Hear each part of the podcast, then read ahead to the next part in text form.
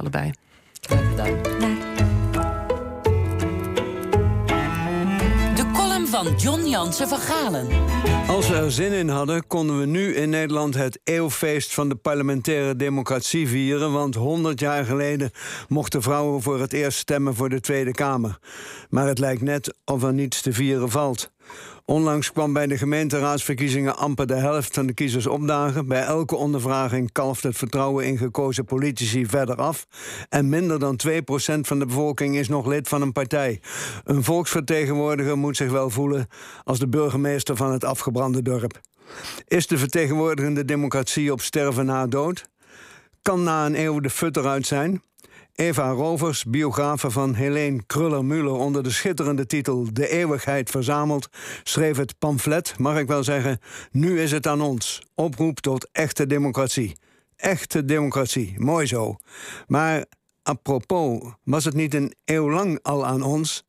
Het basisidee van representatieve democratie is immers dat wij met z'n allen onszelf besturen.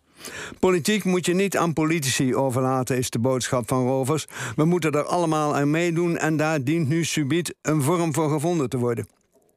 Waarop politicoloog Bart van der Braak in zijn column op parlement.com schreef: Zo'n vorm hebben we al lang.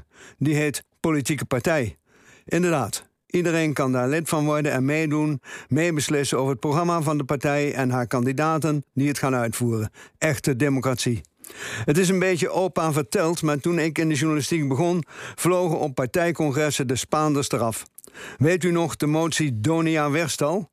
Een paar Vriezen draaiden Partij van de Arbeidleider Joop den Uyl de duimschroeven aan en hij verbleekte. Met verhitte koppen stonden partijleden tegenover elkaar. Over moties en amendementen werd gestreden tot diep in de nacht. Het waren Poolse landdagen, want de toekomst van het land stond op het spel. Ik kan er heimwee naar hebben. Vandaag de dag is een congres bij de VVD een soort tuinfeest. Bij andere partijen houden ze liever brainstorms of denktanks en gaan de leden met de kippen op stok. De partijen zijn lege hulzen, op sterven na dood. Wat is er gebeurd? De partijleiders lapten de discussies, de kritiek, de interne oppositie steeds meer aan hun laars, zonder uit te leggen waarom ze het met andere partijen om een akkoordje moesten gooien. En de leden hadden daardoor geen puff meer in langdurige vergaderingen die toch tot niets leidden en geen zin in notulen, punten van de orde en slappe koffie. De partijen hebben nu nog zo weinig leden dat elk lid een politieke functie heeft en dus geen behoefte aan tegenspraak.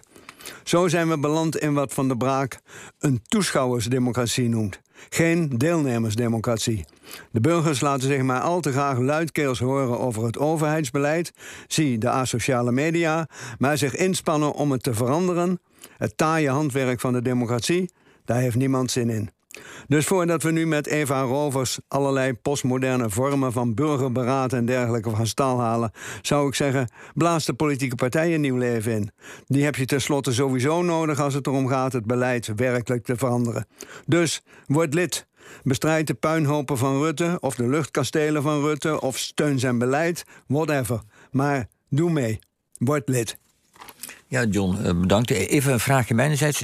Nu is het aan ons van Eva Rovers. Is dat ons vooral de vrouwen of is dat allen, Dat is iedereen? ons allemaal. Ons allemaal. Oké, Lijkt dank- op de u. stelling van David van Rijbroek. Hè, daar, Ja, eh, dat is een koppel, hè, dus misschien heeft het daar wel mee te maken. Ja, Ze praten natuurlijk met elkaar over het een en ander. Onvermijdelijk. ja.